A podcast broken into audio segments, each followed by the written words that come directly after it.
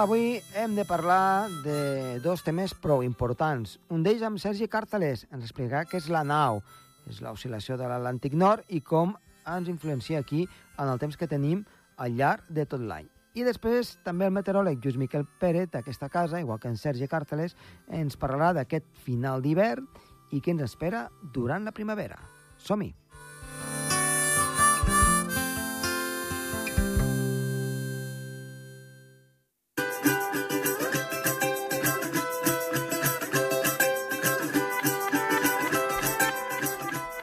Deixem el programa i parlem amb Sergi Càrceles. Sergi, molt bona tarda.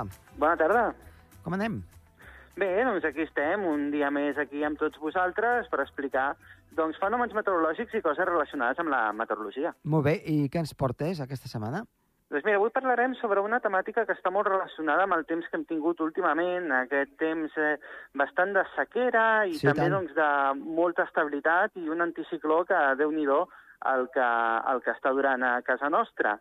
Avui parlarem concretament de la oscil·lació nord-atlàntica, que és una cosa que pot sonar una mica a xino, però bé, us explicaré, us explicaré quatre cosetes i ja veureu com ho entendreu molt bé. Molt bé, doncs vinga, doncs som-hi. Anem, a, anem a explicar què és l'oscil·lació atlàntica. Doncs mira, la oscil·lació atlàntica o, nord, eh, o de l'Atlàntic Nord, eh, millor dit, és una, diríem que és una correlació que hi ha entre els anticiclons i les borrasques que hi ha a l'hemisferi nord i concretament a la zona de l'Atlàntic. Eh, com a vegades hem dit, la natura està interconnectada, tot el planeta Terra està connectat. Eh, un clar exemple que tenim és el del Niño, que al final quan el Niño eh, tenim aquest fenomen del Niño, doncs, eh, més o menys doncs, afecta a tot el planeta, alguns jocs més, alguns jocs menys, però sempre estem relacionats.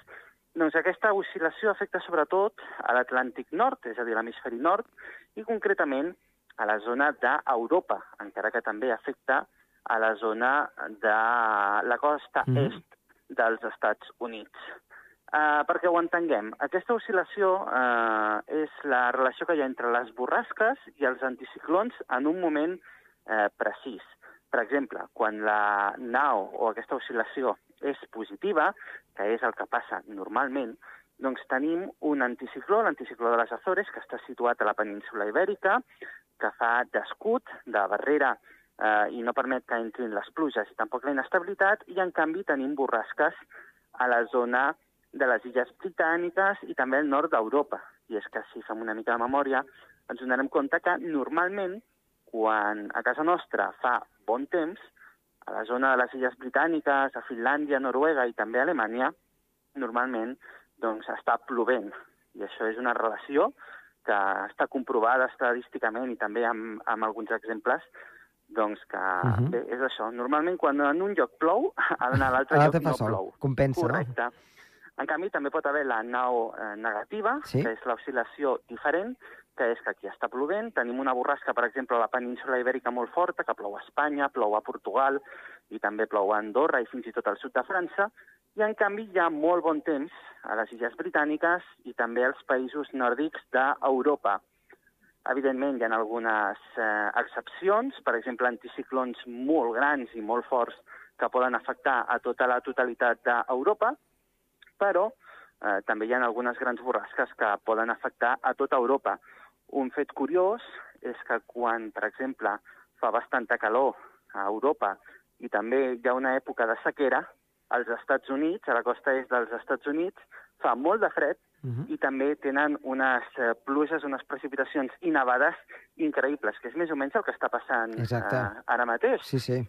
que la zona d'Europa i sobretot doncs, això de la zona de la península ibèrica i sud de França, doncs eh, tenim molta estabilitat, molts dies de sol, amb molt poca pluja i també amb calor, s'ha de dir, perquè les temperatures són eh, de primavera més que d'hivern, i en canvi allà als- a la costa est dels Estats Units estan tenint mm, mm, temperatures molt baixes, de sota zero, i també unes nevades molt, molt importants. I més que res això, explicar doncs, aquesta relació que hi ha a la natura, que hi ha al planeta Terra, que normalment, quan en un lloc fa sol, en algun altre lloc segurament està plovent molt. Doncs eh, molt ben explicat. Sergi, moltíssimes gràcies. T'esperem una propera vegada. Adéu-siau. Adéu. Adéu, gràcies.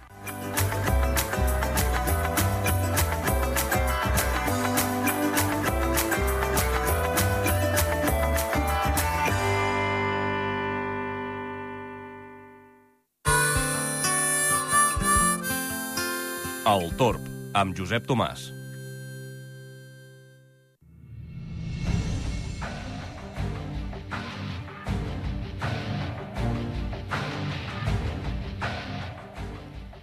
En el programa d'avui tenim el nostre amic i company, el meteoròleg Lluís Miquel Pérez.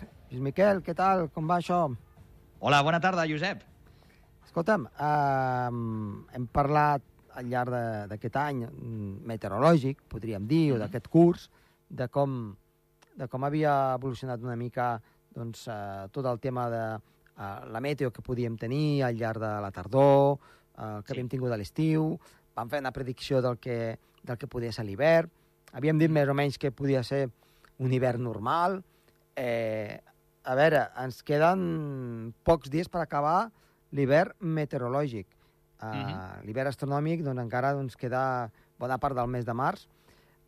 Avui el que volem fer, eh, Luismi, si et sembla, és fer una miqueta de, de revista del que ha passat Uh -huh. eh, i fem una projecció, si et sembla, del que ens queda d'hivern, va, astronòmic, fare, ho ficarem així entre cometes, per Sí. tenir una mica més de d'il·lusió de que pugui passar alguna cosa, i com apunta la primavera, perquè ja no sabem on ficar-nos. Uh, Sí, sí, sí. Mira, jo et diré una cosa, eh, per començar. Mm? Eh, els calentòlegs no, apunten... Clar, hi ha, hi ha els negacionistes, perquè tot s'ha de Sí. dir com és, eh? Hi ha els negacionistes, el que neguen el canvi climàtic.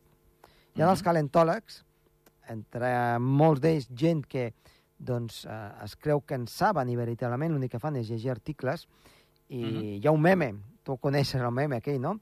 Que hi ha aquell senyor davant d'un ordinador amb una tassa eh, prenent un Sí. cafè, que quan passa alguna cosa al món, de cop i volta, ets, ets ja... Eh, Sí, sí. Et, et, ets l'artista d'aquella cosa, no? Ets, ets, Sí. eh, et, ets científic.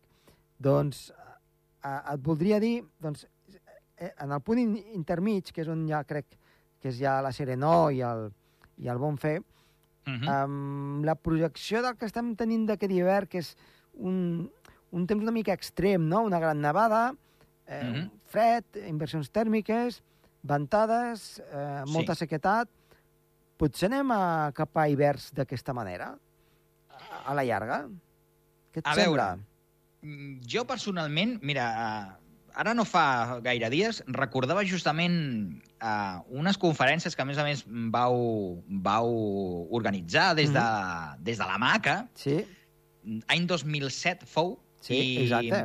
i vam fer unes conferències juntament amb el company Aleix Serra, Mhm. -huh. del Servei Meteorològic de Catalunya, on vam parlar de si la- si l'hivern que hi va haver el- del 2006 al 2007 exacte. era la norma o era simplement una interrupció d'hiverns més freds i més nivosos que hi va haver.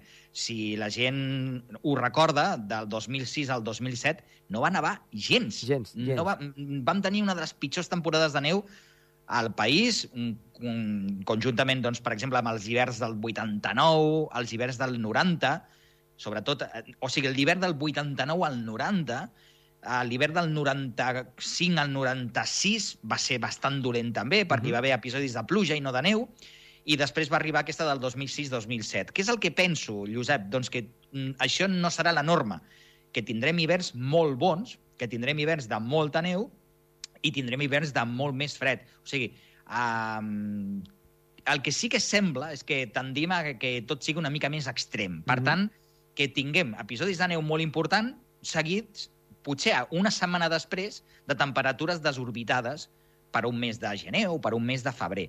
Però el que està passant en guany, que és aquesta absència tan perllongada de precipitació i les nevades tan, tan, tan, però tan eh, concentrades en dos moments, que van ser bàsicament el pont de, de la Puríssima Sí, i, a, abans, i, a, i, i per Reis, Exacte. una miqueta després de Reis, doncs sembla que això tampoc serà la norma dels propers anys. Que s'anirà repetint, sí, perquè ja ha passat. Uh -huh. I perquè estem en un entorn que no oblidem, doncs que no té grans nevades molts anys. I sobretot no té grans nevades abans de, de, dels mesos de febrer, bàsicament del mes de febrer. Hi ha hagut molts anys en els quals l'anticicló s'ha fet la Moix Senyor, com ha estat el cas d'enguany, i molts anys no anaven ni al desembre ni al gener. Exacte. Des del punt de vista de neu, de quantitat i de qualitat, sobretot, la veritat és que portem molts anys que no ens podem queixar pas, perquè quan ens interessa que hi hagi neu, que és a principis de desembre, o fins i tot a finals de novembre, ja la tenim. La tenim en quantitat i la tenim en extensió. Al nostre país és curiós, però ha nevat en pocs dies, ha nevat pocs dies, de fet, però estem tenint una de les millors temporades de neu que es recorden. Bàsicament perquè també s'ha conjugat el que ens interessa, que nevi molt i després no vinguin ni torbs, ni dies de boira, ni dies de precipitació. Fixa't, Josep, que hem tingut un munt de caps de setmana de, De temps sol. assolellat Clar, el que volen la 100%. gent. Sí, sí. Clar, dius, ha nevat molt i la pots aprofitar, aquesta neu. D'aquests serveis, per exemple, la nevada que va caure a la, a la, a la serralada cantàbrica. Els hi va nevar molt, també, al mes de desembre i, a, i com va passar aquí, al mes de gener. Però després han tingut episodis de vent fort, molts caps de setmana de molts núvols sense neu, de la boira, que ja saps que la, la boira fa més nosa que no pas el sí, mateix a vent. part es menja la neu.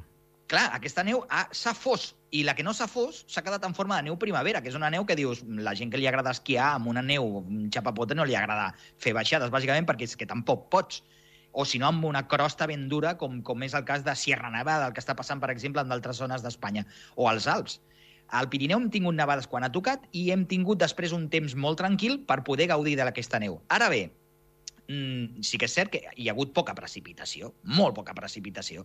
Jo el que penso és que no serà la norma dels propers anys. Sí que hi haurà, en... sí que hi haurà altibaixos. O sigui, d'una setmana a una altra, canvis importants de temps. Mira, sense anar més enllà, enguany ha passat això. I l'any passat també va passar. L'any passat va venir el Filomena a la península Ibèrica, que al nostre país ens va agafar una mica més de rasquillo. Però la península Ibèrica es va passar en el mateix mes de gener de les temperatures més baixes que es recordaven des de l'any 56 a les temperatures més altes en un mes de gener mai registrades. Bé, però no, però no cal dir el mes de febrer de l'any passat, que va ser mm, hipercàlid. Així càlid. és, i de fet, més càlid que enguany. Sí, sí, i tant. Estem parlant que, que va ser més càlid que enguany. Què és el que jo penso? A mi, tu ja saps, Josep, que el que m'agrada és mirar molt en gran angular. M'agrada molt mirar, eh, o sigui, en gran, pensar en gran. I les coses que passen a nivell meteorològic al nostre país o a l'entorn mediterrani o a l'entorn del sud d'Europa té una correlació amb, amb el que passa en d'altres zones del món. I hi ha cicles, cicles de 3, 4, 5 anys, en els que es van repetint aquestes situacions. Si et fixes, portem 4 mesos de febrer Mhm. en els que el fred ha estat absent completament. Però entremig hi ha hagut nevades d'aquelles de jet que ens, han, que ens han salvat una temporada sencera. O sobretot Setmana Blanca, Setmana d'esquí escolar eh, i, i les últimes setmanes que es pugui esquiar ja de cara a la Setmana Santa fins i tot. Mm, Aquests quatre anys que portem, que, que, que, que enguany és el quart ja, que tenim un febrer bastant descafeinat en quant a fred es refereix, jo crec que no serà la norma. No, no tindrem més mesos de febrer càlids un rere l'altre, sinó que són aquestes, aquests cicles de 3 o 4 anys del que estic convençut que de cara a l'any que ve doncs, haurem sortit. O sigui, per resumir-t'ho, Josep, neu en tindrem els propers anys, fred en tindrem els propers anys, però sí que ens haurem d'acostumar potser amb, a tenir grans irrupcions d'aire fred seguides de temperatures des, desbocades, com, com ha estat el cas d'enguany, que hem tingut diversos dies de 20 graus ja a Escaldes o a Andorra la Vella. Hi ha hagut molts anys que els 20 graus no han arribat fins al mes d'abril. I enguany ja portem 5 o 6 dies. Clar, jo, jo recordo que quan baixaven dels 20 graus allà cap a mitjans de novembre, Uh -huh. pensava, ara ja, eh, per tornar a gaudir d'una temperatura de 20 graus aquí a Andorra, eh, ja fins a finals de març o a principis d'abril. Eh, Sí, a, les, sí, sí. a les zones baixes. I sí que, Sí. veritablement, darrerament, eh, això doncs s'ha s'ha desbocat una mica. Um, Sí, sí, També- sí. De fet, de fet, Josep, és que tot va bastant lligat. Si et fixes, un, una de les teories que tinc del que està passant enguany és que, ja saps, això del, del vòrtex polar, de l'oscil·lació àrtica, de, la, de la North Atlantic Oscillation, tot el que tu vulguis. Això ja se sap que hi ha una relació entre el que passa al nord d'Europa i el que passa a, la nostra, a les nostres contrades. Però hi ha un element que crec que no se li està donant prou importància, i és que la manca de precipitació a gran part del sud d'Europa i sud d'Europa és des del Loira cap al sud, aproximadament. Mm, Tota la península ibèrica, sud de França, sud d'Itàlia, o gran part d'Itàlia, de fet. Mm, Aquesta manca de precipitació està deixant un terreny tan, tan, però tan sec que comporta també aquests altibaixos de temperatura, que pugui baixar molt de nit a les valls, però que pugui pujar molt. O sigui, que a igualtat de condicions t'arriba una massa d'aire càlida amb un terreny humit i no puja tant la temperatura. Ja. Tu fixa't que enguany és una rere l'altra, que així que comença a pujar la temperatura a 1.500, 2.000, 2.500 metres d'altura, es desboca la temperatura. Puja molt, puja fins a valors del mes de maig. Mm, Jo crec que el terreny tan sec està tenint molt a veure. I una altra dada que ho verifica, podria dir, a, a l'Arieja o a l'Ebre o a l'interior de Catalunya, enguany no hi ha hagut gairebé cap dia de boira persistent. Eh, això és perquè el terreny està sec Ah, Amb això i, et vull, hi ha aquesta diferència de temperatura. et vull fer un, un comentari, perquè jo recordo que devia ser cap a l'any eh, eh, 2007, 2007 Mhm. que vàrem tenir una entrada d'aire freda, molt seca, Mhm. i cap Sí. a la vall del Llobregós mm, es va arribar i feia molts, un parell de mesos que no, gairebé no plovia. Això era el novembre, eh? eh Mhm. novembre aproximadament. I que es va arribar als 15, 16, 17 graus sota zero. No sé si, ho- si ho recordes. Uh, Sí, sí, sí. 2007. I crec que amb Martin Video van comentar i, i ell em va, em va arribar a dir que podia haver baixat tant, justament per això que dius, eh? perquè Mhm. les temperatures eren mm, molt i molt baixes i s'havia trobat un terreny extremadament sec. I això favoria molt que aquesta irradiació de nit, Mhm. a part de l'aire doncs, fred que, que, que va entrar, no? que va ser una, una, Sí, una sí, irrupció sí. freda. Mhm. I després una altra cosa que volia comentar és que, clar, ara estem parlant una mica doncs, de aquí salvar la temporada i tot això, però en Mm. veritat, a veure, eh, des del punt de vista meteorològic, poc ens importa, i que ningú s'enfadi, perquè Mm. no, no estem parlant de temes econòmics, estem parlant temes doncs, de, de la natura, eh, cal que els aqüífers es recarreguin, si no tenim un greu problema, potser no tant a cara nord, però a cara sud, eh, tot el que és eh, Prepirineu i, atenció, doncs, a zones de l'interior de la península ibèrica eh? Mm. i mediterrània. La cosa és, ja fa doncs, eh, ciutats que fa 90 dies que no hi plou. Mhm.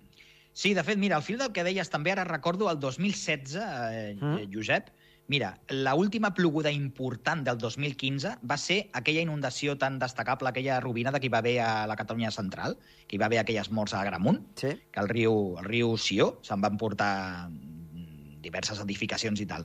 Des d'aquell dia que fou el dia 2 de novembre fins a mitjans del mes de febrer no va ploure ni al sud de França, ni al Principat d'Andorra, ni a Catalunya, ni a l'Aragó, o sigui, zones que siguin més properes a casa nostra. 100 dies. A Barcelona, per exemple, es, es va donar el rècord de dies sense pluja. 101 dies sense ploure. I va passar després el que dius tu. El terreny estava tan sec que l'aire fred que va arribar durant el març va ser molt destacable. Hi va haver gelades destacables. I a les En, negres. aqu en aquell moment, mm. eh, ja lligant-ho amb la sequera que estàs comentant, no hi havia una situació tan, tan, tan complicada, perquè la que hi ha ara és complicada. Per què? Perquè van venir d'unes pluges molt importants a la tardor del 2015. Què és el que està passant enguany? Doncs que no hi ha hagut pluges al 2021. Hi ha gran... eh, eh, A més a més, no és que estiguem parlant d'una zona concreta de la Costa Daurada, imaginem eh, Cambrils, on hi plou molt poc. No, no, és que gran part de l'àmbit mm, sud-europeu està tenint molt poca precipitació des de fa un any i mig. Mira, a col·lació et dic, s'ha s'ha parlat molt i molta gent s'ha queixat i molta gent s'ha posat les mans al cap amb el que va passar amb el temporal Glòria. Mm. Jo et dic, beneïda Glòria perquè va omplir pantans.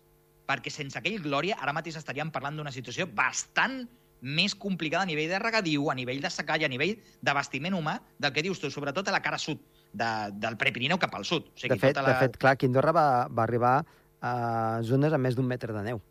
sí, I sí, va, va anar molt estem- bé. I la previsió estem era de parlant- eh, 20-30 centímetres, eh? Eh, Sí, sí, un, aquella- un 24-48 hores abans, eh? Sí, sí, el Glòria és un... Directament, el Glòria hauria de ser un, un documental de Netflix, Total. perquè, perquè va entrar pel Cantàbric fent molt de mal, va acabar al sud d'Espanya i després va tirar cap al sud de França i a tot arreu la va liar, com deia l'altre, ben parda. Doncs què és el que està passant ara amb aquesta sequera, Josep? Bàsicament que portem molts dies i molts mesos en els que plou molt poc i ja s'està donant la sequera hidrològica, que és la pitjor que hi ha. La primera és la meteorològica. Tu tens un mes sense ploure, ja tens uns dies de sequera, però clar, els aqüífers encara estan plens. Clar, portem tants mesos que no es recarreguen aqüífers que tot això està buit. Per tant, no hi ha aigua als pous, no hi ha aigua als manantials, ni a les urgències, ni a les fonts, ni, ni, ni a les deus. I clar, si no hi ha aquesta aigua que pugui brollar després cap a la superfície, els pantans no s'omplen perquè els rius no porten cabal. Uh -huh. Clar, estem en aquest punt ara. Ara és que ha de ploure molt, molt, molt. Eh, estem parlant que perquè s'acabi la sequera i els pantans tornin a tenir una mica de vida, a, i això és avís a navegants, bàsicament, doncs, a la conca del Segre o a la conca del Llobregat, eh, com no caiguin els propers mesos 300 o 400 litres per metre quadrat, això no es podrà revertir, perquè primer necessites que el terra es mulli, després que l'aigua s'infiltri, després que es recarreguin els aquífers i quan estiguin ja, que no tinguin més set, doncs acabin rebentant, que es diu així de fet, rebentant en forma de déus i de, i de surgències. El pitjor de tot, Josep, és que, com saps, no hi ha perspectiva que això passi. No, i a part... I, i, no, i a més a més, no i li hem clar. i, clar, i li hem d'afegir una altra cosa. Li hem d'afegir una altra cosa, perquè aquí ja saps que a mi no m'agrada mossegar-me la llengua, però gran part de l'aigua que hi havia, que hi havia als pantans, s'ha anat per fer negoci elèctric. Uh, això mm, és una temeritat. És una temeritat. L'aigua és un bé escàs i l'aigua re recarrega o no recarrega. Possiblement, sobretot a les Espanyes, s'acabin recordant bastant de les grans elèctriques que s'han s'han lucrat a l'hora d'obrir embassaments per fer electricitat en un moment que, lògicament, l'electricitat està pels núvols. Mm, dit això, per una banda s'ha malgastat l'aigua per fer això, per una altra és que no plou, i lògicament, i ara ens ve una època molt dolenta. Ens ve una època que el secà necessita aigua, i aquesta no es rega. El secà no es rega, per tant, si no plou, malament. I el mateix regadiu. Mm, Tu imagina totes les, tots els camps de, de blat de moro, de la, de, de, de, del Prepirineu, del Pirin, de les valls pirinenques, o totes les fruites que hi ha a Lleida, o a la vall del Cinca, o a la vall de l'Arieja. Si no plou, mmm, els pantans no s'ompliran i no es podran ni regar els fruiters. Vas a veure Rial, per exemple, i el veus allà amb un, un bassal. Sí, sí. Ara mateix és un bassal. Sí, sí. Eh, mala peça al taler. Luismi, eh, molt ràpidament, eh, projecció perquè queda d'hivern primavera. Anem a veure. Els mapes que mirat. Mm, els mapes que, que, que, que aquest, aquest gran angular que et deia em fa ser optimista. Em fa ser optimista, però alhora s'ha de tenir paciència. Perquè veig una primavera bastant plujosa, bastant, i bastant vol dir que poden haver-hi temporals de pluja destacables. Mm, ja saps, Josep, que aquí a casa nostra la climatologia, o la meteorologia, vaja, no, no sap negociar. Uh -huh. D'una banda a l'altra. Aquí no hi ha terme mig. Aquí, d'una sequera molt potent, passem a inundacions. I, I, de fet, sempre ha estat així. I sempre serà així. Per tant, que ningú s'esveri de canvi climàtic o emergències climàtiques que valgui, perquè és que això és el nostre clima. Això, si no ho entenem, mm, pleguem veles. Dit això, molta precipitació i possiblement, Josep, arribaran moltes nevades també. Tinc la sensació que serà el típic any que fins ha entrat l'estiu mm, li costarà arribar a l'estiu. O sigui que tot el que és com que s'equilibrarà, s'equilibrarà Ja, tot el que no hem i tingut, temperatures tot el que hem tingut de sol ho tindrem de núvols, eh? possiblement, però clar, fins al mes d'abril res. Mhm. Jo crec personalment, eh, que el mes de març encara continuarà aquesta dinàmica Aquesta seca i dinàmica. per tant molts conreus de secà doncs, ja no tindran temps d'espavilar-se, no? A veure. Doncs, Luismi, eh, moltíssimes gràcies. I ja ho saps, eh? Uh, una altra vegada doncs, estem aquí per comentar una Mhm. mica l'actualitat. Que vagi molt ja bé. veurem com va. Una abraçada, company. Igualment, adeu-siau.